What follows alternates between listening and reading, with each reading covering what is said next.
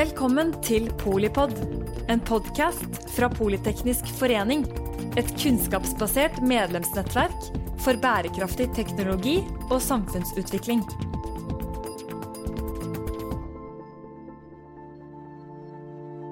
Velkommen til Polipod, det jeg brenner for. Årskavalkaden fra Polipod, der direksjonsmedlemmer i hver sin episode snakker om hva som er og blir viktig på sine områder. Og du, eh, Marie Louise Sunde, du er grunnlegger, eh, administrerende direktør i, i Quality Check. Hva brenner du for? Jeg brenner jo for mange ting, men det som jeg brenner særlig for, eh, er like muligheter for alle ansatte. Og det har jeg jobbet med nå en stund. Vi startet Quality Check for ja, så er det tre-fire år siden. Så det er store, min, min, store passion for tiden, er det. Og det høres jo veldig riktig ut, selvfølgelig, men uh, hva betyr det i praksis? Altså det vi jobber med er, eh, og dette kommer Vi har sagt at det kommer som en stor global megatrend nå, og det opplever vi mer og mer at skjer. Og det det handler om i prinsippet, er at alle ansatte skal få like muligheter. At man skal utnytte det potensialet som ligger i alle talenter på arbeidsplassen. Uh, uansett hvem man er. Uh, og både hvordan man ser ut, og hvordan man tenker, og hvilken type bakgrunn man har. Uh, og det har på en måte vært på agendaen en stund, i form av at vi har snakket om likestilling lenge. Eh, men vi har vært litt mer opptatt av Som samfunn så har vi vært litt mer opptatt av festtaler, kanskje, enn å se resultater. Um, og det vi er opptatt av, er å, å, jobbe på en mye mer strukturert måte som gjør at man faktisk ser resultater. Uh, og også ta diskusjonen litt fra For mange, når de tenker på likestilling, så tenker de på det som en nisje. At det handler om veldig små grupper i selskapet, kanskje. Uh, og at det kanskje også handler om at de skal fremmes på tross av andre. Uh, og det som vi er opptatt av å få frem, er at det handler Det er på ingen måte en nisje. Det handler om alle ansatte, uh, uansett hvem du er, og at uh, man da skal kunne få bruke det potensialet. og det vil være til det beste for, for selvfølgelig den ansatte, og for selskapet og for samfunnet. og det er ikke på bekostning av andre, men, men heldig til glede for, for, for alle. Ja, og så er det vel ikke nødvendigvis det hva du har rett til, men hva som er smart av ja, både deg og bedriften, da. Ja. Og det, og det, det er jo der vi ser at, at, diskusjonen går mer og mer. For nå har likestilling vært på agendaen en stund. Det har vært uh, mye mer i form av festtaler. Uh, og i form av en litt sånn overordnet Hvis du spør folk flest, så vil jo de si at ja, likestilling og mangfold, det er kjempebra. Det er vi veldig opptatt av. Uh, men hvis du spør dem egentlig hva det er, og hva det betyr, og hvordan de jobber for det, så er det ganske abstrakt fortsatt. så det som vi jobber med i Coachcheck, det er å gjøre det mye mer konkret, og gjøre det mye mer uh, agerbart, på en måte. Actionable, for å bruke et godt uh, norsk ord. Uh, og så har vi tatt med inn Min bakgrunn er jo egentlig medisin. Jeg har jobbet som lege og kirurg og har en doktorgrad innenfor kirurgi, og har tatt med mye av den måten å tenke på uh, for å kunne gjøre det um, Finne ut av mer hva som egentlig er problemet, uh, og hvordan skal vi løse det. Og det ser vi litt grann er kanskje noen av de store uh, utfordringene i likestilling og mangfold, og hvorfor det ikke har vært så mye resultater. Så jeg bruker av og til eh, sånn enkle medisinske analogier for å forklare det, for det gjør det av og til litt enklere. Eh, og det vi ser når det kommer til likestilling og mangfold, er at det har vært en litt sånn tanke om at alle, det er noe alle kan være ekspert på, og hvis du har interesse for det, og særlig hvis du er dame, og kanskje enda bedre hvis du har en annen minoritetsbakgrunn, da, eh, du, da kan du være likestillingseksperten i selskapet. Eh, og det sier vi jo også litt om pasienter, at alle er eksperter på sin egen helse. Og det er sant til en viss grad, men det er også veldig feil. For det pasienter er eksperter på, det er å vite hvor de har vondt, hva som plager dem. Eh, og du kan komme til legen og si at jeg har kjempevondt i skulderen, og det har vært i noen uker, og det skjedde fordi jeg hjalp datteren min å flytte. Eh, kan du gi meg Voltaren? Det er det jeg trenger for nå skal jeg bare bli frisk fort. Og så gjør legen eh, stiller litt flere spørsmål, tar noen blodprøver, gjør noen flere undersøkelser og finner ut at det her er jo ikke muskulære smerter, det er hjerteinfarkt under oppseiling. Og det er det ingen, på ingen måte noe som pasienten vet eller kan, eller burde ha mm, forutsetning for å kunne, eh, fordi du trenger mye mer fagkunnskap for å, å, skille mellom hva som egentlig er diagnosen og, og, og hvordan, hvorfor det oppstår. Og det opplever vi skjer veldig mye i likestilling, inkludering og mangfold, at det er et fagfelt som egentlig er et veldig komplekst fagfelt, eh, men som ofte undervurderes i stor grad. Så det er jo noe vi eh, hjelper med. Et, et annet, hvis du tar det eksempelet den andre veien, selv om du hadde gitt dataen på en måte til pasienten og vist her er blodprøvene, her er de kliniske funnene, her er de andre undersøkelsene vi har gjort. Eh, da har du alt du trenger for å finne ut av om dette er muskulært eller om det er referert smerte fra hjertet. Det kan jo ikke pasienten gjøre, for du trenger fagkunnskapen for å tolke den dataen også. Så begge de to tingene ser vi at skjer veldig mye i virksomheter at man har ikke fagkunnskapen til Og man vet hvor det gjør vondt, men man har ikke fagkunnskapen til å stille de riktige spørsmålene, hente inn de riktige dataene. Man har heller ikke fagkunnskapen for å tolke dataen når den foreligger. Eh, og så har man ikke eh, kunnskapen, eller vet ikke hva man skal gjøre for å vite hvilke, hvilke tiltak skal vi iverksette. Hvis vi vet diagnosen, hva er det vi skal gjøre for å være sikre på at, eh, at behandlingen funker. Så det er det vi gjør med, med Codecheck, at vi hjelper selskaper å hente inn data data.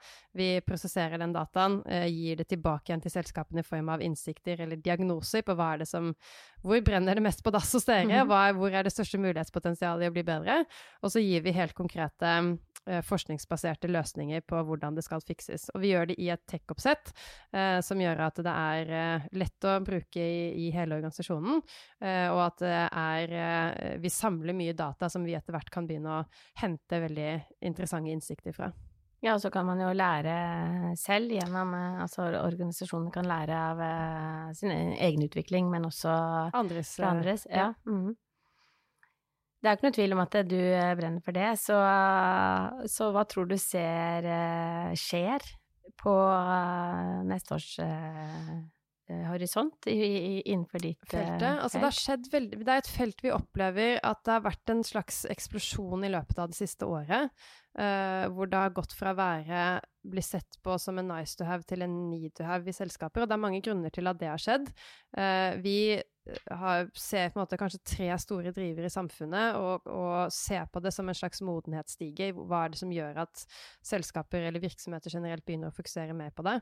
Og på det nederste trinnet der så, så er det en regulatorisk Det begynner å komme mye mer lovgivning, og det kommer også i større grad fra EU nå.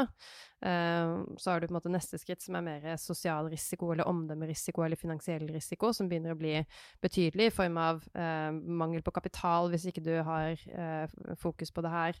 Um, finansiell risiko. Du kan få bøter. Google fikk jo en bot på 118 millioner nå i sommer pga. manglende likelønn. Det er større og større omdømmerisiko. Uh, vi er her, bare her i Norge så har vi hatt ganske mange saker i det siste som går på det her. Uh, og det er, begynner å bli en stor boikottdriver uh, for konsumenter, hvordan man behandler ansatte. og så er kanskje det viktigste, som er den mer kompetitive driveren, som er øverst på den modenhetsstigen, i, i, at man ser at dette er noe ansatte er kjempeopptatt av. Og er nok en av de viktigste grunnene til at man begynner å se mer og mer forskning og, og, og rapporter som viser en tydelig korrelasjon mellom, uh, mellom uh, lønnsomhet og produksjon og innovasjon og kreativitet osv. Og, så og likestilling og mangfold. Så det her begynner å komme veldig høyt på agendaen. Det som blir veldig viktig nå fremover, er å gjøre det ta det ned fra et sånt abstrakt uh, konsept som alle er enig i teorien, men som ingen klarer å agere på i praksis, uh, til å vise frem mye tydeligere hva betyr det egentlig, hvorfor er dette viktig for ditt selskap, hva er det du skal fokusere på, uh, og hvordan skal du løse det, og også øke forståelsen på at det er, det er et, et, mye mer avansert felt enn en det man kanskje har tenkt, og det krever en løsning som er mye mer helhetlig enn det mange har tenkt til nå. Og det en, Jeg var på eh, et stort uh, event som Microsoft hadde i Seattle nå før sommeren, og der snakket de mye om cybersikkerhet. Og der er det egentlig ganske mange analogier, for det de snakket om der, var at et problem med cybersikkerhet til nå, det har vært at man har tenkt at du kan ansette en cybersecurity officer, eh, og så kan du på en måte outsource. Da har den personen har full koll på cybersikkerheten, og da er du good, og da kan du fortsette, liksom, i selskapet. Eh, men det, du kan ha verdens beste cybersikkerhetssjef, og det, det kommer ikke til å hjelpe så mye, fordi etter hvert som flere og flere nå uh, ser, er at sårbarheten i cybersikkerhet det ligger jo i handlingene til alle ansatte hver dag, og om en eller annen ansatt i et litt stresset øyeblikk trykke på feil link på e-posten. Um, og sånn er det også med uh, likestilling og mangfold og inkludering. At uh, man, man, skal ha uh, policy, man skal ha strategi for det, man skal ha noen som har ansvaret for det. men sårbarheten der ligger jo i hvordan alle ansatte oppfører seg, og hva de gjør, og hvordan de prioriterer det på daglig basis. og Derfor så fungerer det ikke å, å, å sette dette ut i en silo i selskapet. Jeg har jobbet eh, mye med HMS eh, ja. og rapportering, ja. og da miljø- og klimarapportering kom, det er jo litt sånn det samme løpet. Det gjelder eh, veldig mange og, og, og hele organisasjonen. Det gjelder ikke bare daglig drift, det gjelder strategisk retning. Og, men um, når, du, når, det kommer til hva du selv skal bidra med på feltet, da, og annet enn å være denne jeg vil si fyrtårnet for eh, at dette skal bli profesjonalisert. Det er jo litt det det handler om i, eh, i Norge. Ja, eller globalt er jo våre ambisjoner, faktisk. Så, men det vi, eh, det vi, gjør i Colcheck, vi opplever at vi har, begynner å få en veldig god løsning på det. Hvor vi eh, gjør, gjør, det mye mer konkret for, eh, for selskaper eller virksomheter generelt. Eh, og det å da kombinere data, fagkunnskap, teknologi eh, og forskning på en måte som er mulig for selskaper å, å, kunne bruke på en enkel måte. Altså, det er jo et veldig komplekst problem, eh, og så ønsker vi da å gjøre det veldig enkelt for selskaper å løse det gjennom vårt system. Og det, det er eh, pionerarbeid, eh, og det å lære hvordan Uh, hvordan man skal gjøre det, uh, bruker vi samler etter hvert også opp en veldig verdifull og unik database. Den databasen kommer vi til å bruke mer og mer til å kunne se på hva er det som Altså gå fra å kunne si noe om sammenhenger til å kunne si noe mer om årsaker. Eh, hvordan henger disse tingene sammen? Hvilke, eh, hvilke, datapunkter er det som er viktig for å se på for å stille de riktige diagnosene? Eh, hvordan henger de ulike datapunktene sammen? Sånn at vi kan lage en, en maskinvare eller et program som er mer og mer sofistikert og mer og mer treffsikkert, og hvor vi også bidrar til måte, forskningen i det her. Hva er det som funker av løsninger i de ulike settingene? Kan vi, vi, kan jo se hva selskaper implementerer, og hvordan det går over tid, og hvilke andre ting de har gjort, og, og hvilke ulike datapunkter som spiller inn i det. Så det er jo eh, noe som kommer til å bli kjempespennende, og hvor vi eh, tror at vi også der kommer til å finne løsninger som er selvfølgelig nyttige for selskapene, men som, som også da er med å, å mm, fremme faget og løsningene. Vi har jo et uh, studentnettverk i uh, Politeknisk forening. Uh, de er jo på alle måter fremtiden, da. Kjempesmarte og veldig engasjerte. Og og eh, i måte, alle deler av eh, både næringsliv og offentlighet. Kan du gi, eh, gi oss en sånn sneak view på tre smarte ting som du ser fra, fra Equality Check at det er lurt å gjøre når du er ja, nyutdannet, da?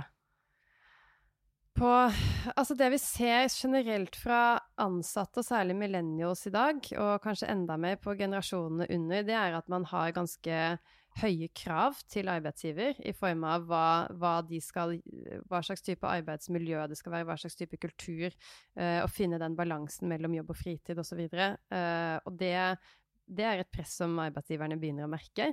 Uh, så jeg tror det, det er en uh, viktig måte som ansatte fungerer som stakeholders i å, å sette dette høyere på agendaen. Tusen takk, Marie Louise Sunde, grunnlegger, administrerende direktør i Equality Check, medlem av direksjonen i Politeknisk forening. Her har vi fremmet samfunnsløsninger med teknologiopportunisme siden 1852. Jeg er eh, Mette Vågnes Eriksen, jeg er generalsekretær her, og sier tusen takk for at du hører på Polipod når og hvor du vil. Og gjenhør i serien Det jeg brenner for. Takk for at du lyttet til Polipod fra Politeknisk forening. Få med deg flere episoder, eller bli med på nettverksmøtene som du finner på at polyteknisk.